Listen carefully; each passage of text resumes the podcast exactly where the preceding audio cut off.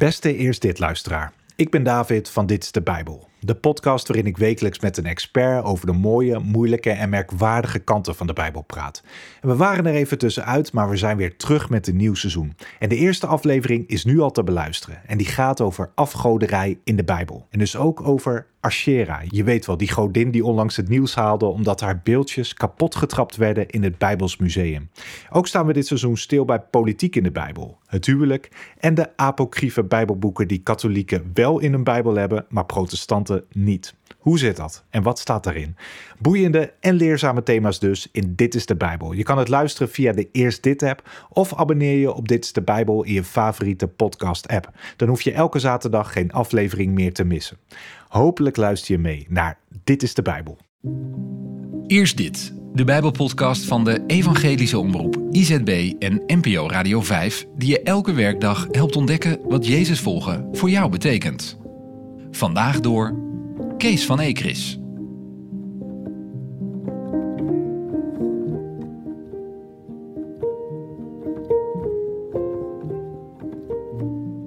We lezen vandaag uit de brief aan de gemeente te Thyatira, Openbaring 2, vers 18. Schrijf aan de engel van de gemeente in Thyatira. Dit zegt de Zoon van God, die ogen heeft als vlammend vuur en voeten als brons.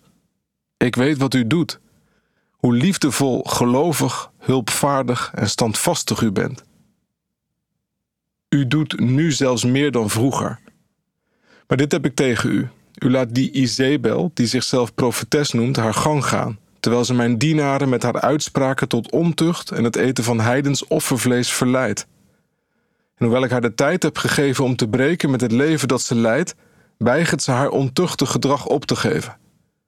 Ik zal haar ziek maken en hen die overspel met haar plegen in ellende storten, tenzij ze met haar breken. Haar kinderen zal ik laten sterven aan een dodelijke ziekte. Laat elke gemeente beseffen dat ik het ben, die hart en ziel van de mens doorgrond, en dat ik ieder van u zal belonen naar zijn daden. Tegen de rest van u in Thyatira, al degenen die haar leer niet aanhangen en die zich niet hebben verdiept in de zogenaamde verborgenheden van Satan, zeg ik: Ik leg u maar één last op. Hou vast aan wat u hebt, totdat ik kom. Wie overwint en mij navolgt tot het einde, zal ik macht geven over alle volken. Met een ijzeren herderstaf zal hij hen hoeden, als aardewerk worden ze verbrijzeld. Ik geef hem macht, zoals mijn vader die aan mij heeft gegeven. En ik zal hem ook de morgenster geven. Wie oren heeft, moet horen wat de geest tegen de gemeente zegt.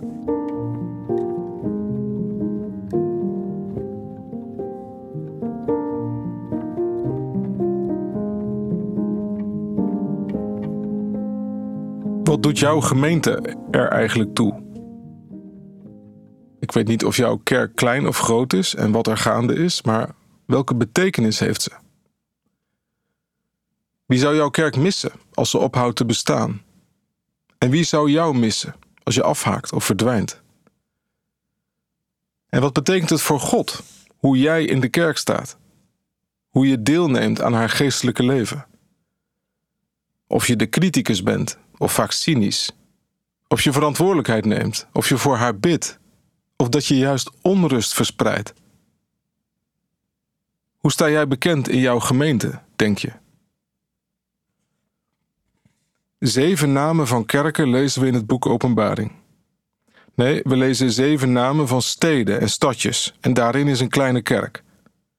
Het is een regio in het huidige Turkije en zeven gemeentes krijgen een brief. Efeze, de grootste stad vol met tempels en faam, Smyrna, de levendige havenstad, smeltkroes van culturen. Pergamon, rijk en vol allure. En dan is er Thyatira, een provinciestadje waar we weinig van weten. Miss Kotte zegt: Het was een provinciestadje als Amersfoort. Aardig en gezellig, geordend en de middenstand heeft het er goed. Thyatira. Misschien dat Herman Vinkers het het Almelo van de zeven gemeenten zou noemen. We weten eigenlijk niets van die christelijke gemeente daar. We weten niet wie het gesticht heeft, of het groot of klein was. En er zijn aanwijzingen dat er al in het begin van de tweede eeuw geen kerk meer was in Thyatira. Het was er dus maar even, die kerk. Wat stelde het voor? Wat deed het ertoe? Dat is een vraag die je soms toch ook zelf hebt. Een klein groepje christenen in een bergdorpje op Java, of in een krottenwijk in Bombay, of een kleine gemeente in de achterhoek. Wat betekent het? Daarom staat Thyatira in de Bijbel, denk ik. Omdat het ertoe doet. Omdat er iemand is die het ziet en die het koestert en die het weegt. Ik weet wat u doet, staat er. Ik ken uw werken. Dat u liefdevol bent en trouw en hulpvaardig en dat dat groeit. Hoor je dat? Hij die over de gemeente waakt, haar Heer, hij kijkt niet naar cijfers en websites. Hij kijkt of de dienstbaarheid groeit en de liefde. Het doet ertoe. Het inloophuis. Het bezoek aan de rouwende weduwnaar. Het ochtendgebed met zijn zessen. Brood en wijn. Christus ziet het, zelfs in Thyatira. Daarom doet het er ook toe, in Christus ogen, hoe je lid bent van je kerk. Of je meedoet aan de groei in liefde en dienstbaarheid van de gemeente, aan het dorp en de stad. De aanspreekvorm in de brieven van Paulus, Petrus en Johannes is niet het individu, maar de christelijke gemeente. Die gemeente ontvangt een brief. En als je die brieven wilt begrijpen, moet je ze samen voorlezen en overdenken en bewaren en uitleven met elkaar. Voor sommigen is dit te gewoon. Het gewone is voor heel veel mensen te moeilijk. En dus moet er iets bijzonders gezocht worden. In Thyatira is ook een sectarische groep. We kunnen niet meer achterhalen wat precies hun fascinatie was en wie hun profetes of influencer was. Ze hebben het over de diepte van de Satan. Dat was hun slogan. Dachten ze misschien dat ze de Satan door hadden en dat sommigen bijzondere power hadden? Of waren ze juist geobsedeerd met het occulte? Zagen ze de, de duivel overal en werden ze daardoor zelf ook hard en grimmig? Maar dan zegt Christus tegen de gemeente: Hou vast aan wat je hebt, namelijk dat je liefdevol bent en trouw, hulpvaardig en standvastig. Dat is groots in zijn ogen. Laat je de kop niet op hol brengen door het zogenaamd spectaculaire. Wees nu gewoon trouw en liefdevol. Het wordt gezien hoe je in je kerk leeft. Er gebeuren grootse dingen in kleine dorpen of in een klein onderkomen. Er wordt geloofd in God, gezongen, gelezen en er is liefde en dat werkt iets uit. Is dat haalbaar voor jou om te doen in jouw kerk? Of is dat te klein voor je? Of te moeilijk?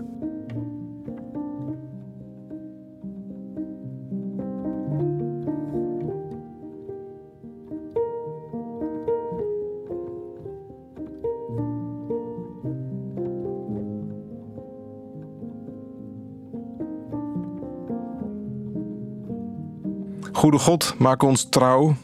Geef ons het besef dat we de dingen doen voor U en met het oog op U.